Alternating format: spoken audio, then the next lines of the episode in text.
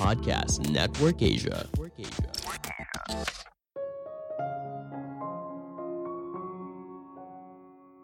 Patah hati jangan dianggap sepele, bisa punya efek seperti orang kecanduan. Halo semuanya, nama saya Michael. Selamat datang di podcast saya, Sikutu Buku.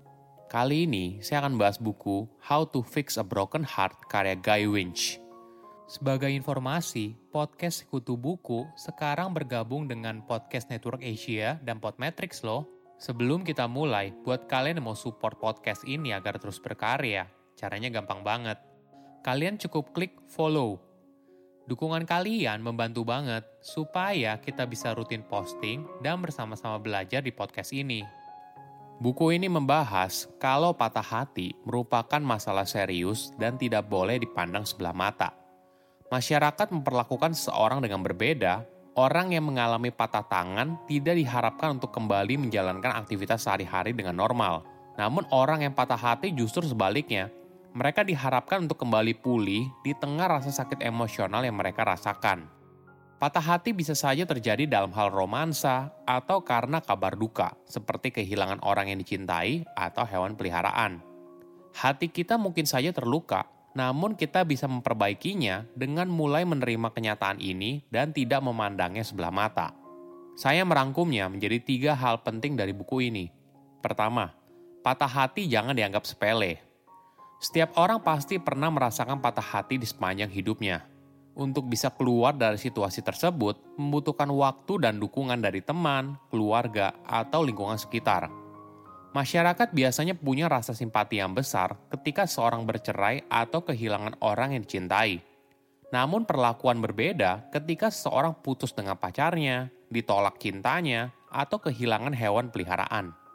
Ini merupakan masalah serius, tanpa mengakui adanya rasa sakit di dalam hati, maka proses penyembuhannya akan semakin sulit. Pernah nggak ketika kamu putus, ada orang yang menyepelekan sambil bilang, udahlah baru pacaran doang, move on dong. Hanya karena kamu pacaran atau seekor anjing hanya hewan peliharaan, bukan berarti kamu tidak bersedih. Rasa sakit yang kamu rasakan juga sangat nyata. Bagi yang belum tahu, ada yang namanya broken heart syndrome atau dikenal sebagai sindrom patah hati. Hal ini merupakan salah satu penyakit jantung yang sifatnya sementara. Kondisi ini bisa terjadi karena situasi yang menyebabkan stres hingga membuat kamu menjadi emosional. Sebuah penelitian dari University of Michigan menggunakan pemindai MRI untuk menganalisis otak sukarelawan yang baru saja mengalami perpisahan yang menyakitkan. Para peneliti menunjukkan kepada para sukarelawan gambar orang yang meninggalkan mereka. Mereka kemudian membandingkan aktivitas otak ini dengan saat mereka mengalami rasa sakit fisik. Hasilnya cukup menarik. Rasa sakit emosional dari patah hati sebenarnya dapat menyebabkan reaksi yang sama persis di otak kita dengan rasa sakit yang dialami tubuh. Para sukarelawan menggambarkan rasa sakit itu sebagai rasa sakit yang tidak tertahankan.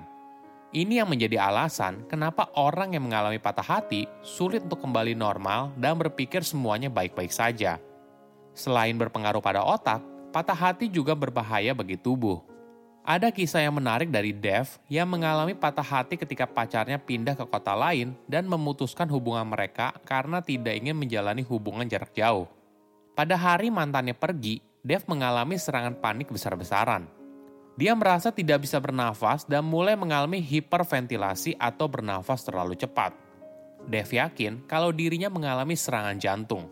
Ini adalah salah satu dari banyak cara tubuh kita bereaksi terhadap trauma yang datang akibat patah hati.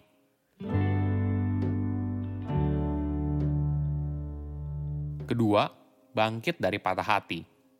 Apa yang kamu lakukan ketika patah hati?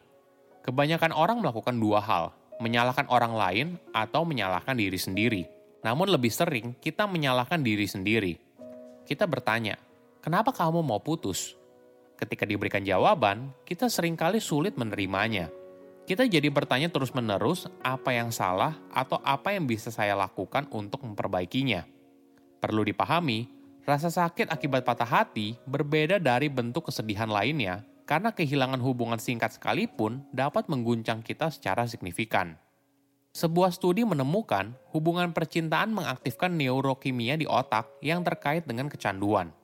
Saat patah hati, otak kita merespon dengan cara yang sama seperti pecandu yang putus asa.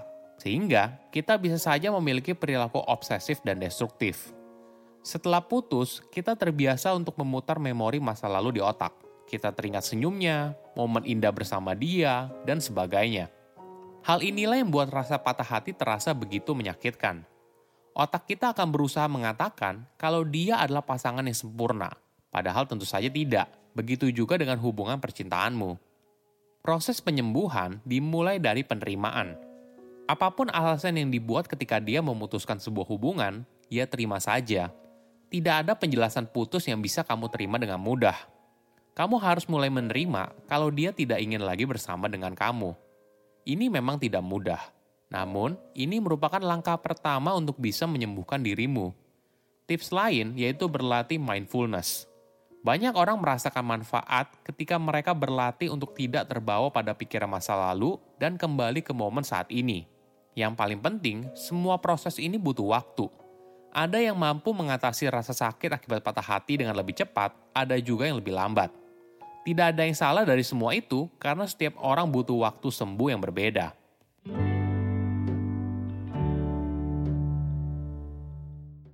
Ketiga, kehilangan hewan peliharaan jangan dianggap sepele. Masyarakat cenderung tidak menganggap serius patah hati yang dialami seseorang, apalagi bila hewan peliharaannya menghilang atau meninggal. Beberapa orang sangat mencintai hewan peliharaannya, memperlakukannya dengan baik, dan menghabiskan waktu bertahun-tahun bersama mereka. Bagi sebagian orang, hewan peliharaan sudah dianggap sebagai bagian dari anggota keluarganya, meskipun mereka bukan manusia.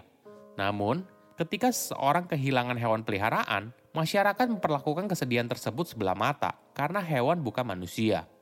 Dukungan orang sekitar berbeda ketika seorang kehilangan anggota keluarga dibandingkan saat kehilangan hewan peliharaan. Ini yang kadang masyarakat lupa. Rasa sakit yang dialami oleh orang tersebut sama kuatnya, atau bahkan mungkin lebih kuat, tergantung ikatan antara manusia dan hewan tersebut. Kurangnya rasa empati terkadang berujung pada kejengkelan yang dialami oleh orang yang berduka ada contoh yang menarik. Misalnya seorang bernama Ben kehilangan anjingnya bernama Bover karena anjingnya sudah tua dan sakit. Pertemanan Ben dan Bover sudah berjalan selama bertahun-tahun. Ketika anjingnya sakit, Ben berulang kali menemani dan membawa Bover ke dokter hewan.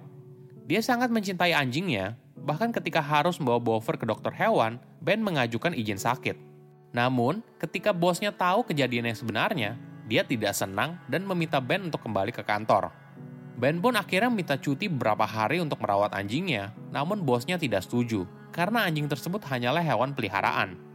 Ketika Bover akhirnya meninggal, Ben harus meminta surat keterangan dokter dari terapisnya agar dia diizinkan tidak masuk untuk menjalani waktu berduka. Rendahnya pemahaman masyarakat atas hubungan kuat antara seorang dan hewan peliharaan membuat orang yang berduka semakin sulit. Patah hati jangan dianggap sepele, Rasa sakit yang ada di hati sama sakitnya ketika bagian tubuhmu terluka. Saya undur diri, jangan lupa follow podcast Sikutu Buku. Bye-bye. Pandangan dan opini yang disampaikan oleh kreator podcast, host, dan tamu tidak mencerminkan kebijakan resmi dan bagian dari podcast Network Asia. Setiap konten yang disampaikan mereka di dalam podcast adalah opini mereka sendiri dan tidak bermaksud untuk merugikan agama, grup etnik, perkumpulan, organisasi, perusahaan, perorangan, atau siapa pun dan apa pun.